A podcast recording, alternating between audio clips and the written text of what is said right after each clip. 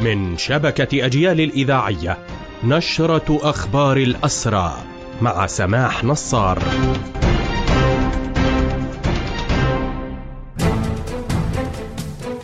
أهلا ومرحبا بكم إلى هذا اللقاء. حملة اعتقالات جديدة ينفذها الاحتلال الليلة الماضية وحتى صباح اليوم.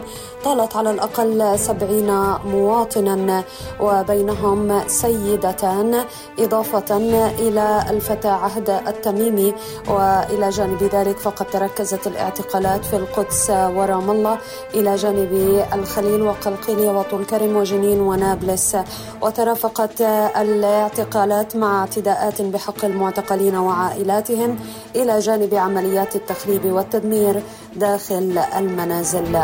بذلك فإن حصيلة حملات الاعتقال التي نفذها الاحتلال منذ السابع من أكتوبر الماضي بلغت 2150 حالة اعتقال هذه الحصيلة لا تشمل المعتقلين من غزة بمن فيهم العمال الذين يواصل الاحتلال احتجازهم حتى اليوم وفي أخبار هذه النشرة نشير إلى أن معظم المعتقلين الذين يتم اعتقالهم يصدر الاحتلال بحقهم أوامر اعتقال إداري لمدد تتراوح بين ثلاثة وتسعة أشهر. حذرت هيئة شؤون الأسرى والمحررين من العقوبات التي ينفذها الاحتلال ضد الأسرى بمن فيهم الأسرى المرضى في عيادة سجن الرمل.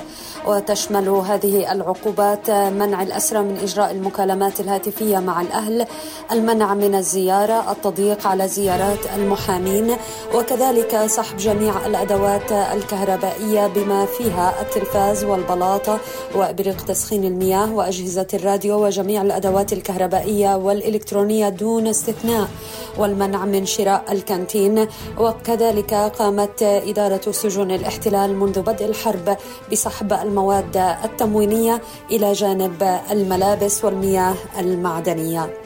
يشار إلى أن عيادة سجن الرملة مكونة من أربع غرف لا يسمح للأسرى بالخروج من الغرف إلا لنصف ساعة فورا ويتم إعادتهم إلى الغرفة ومعظمه الأسرى لا يخرجون بسبب الوضع الصحي.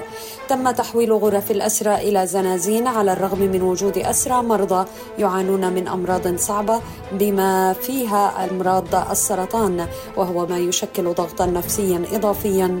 على الأسرى المرضى. بهذا مستمعينا تنتهي هذه النشرة الخاصة بأخبار الحركة الأسيرة.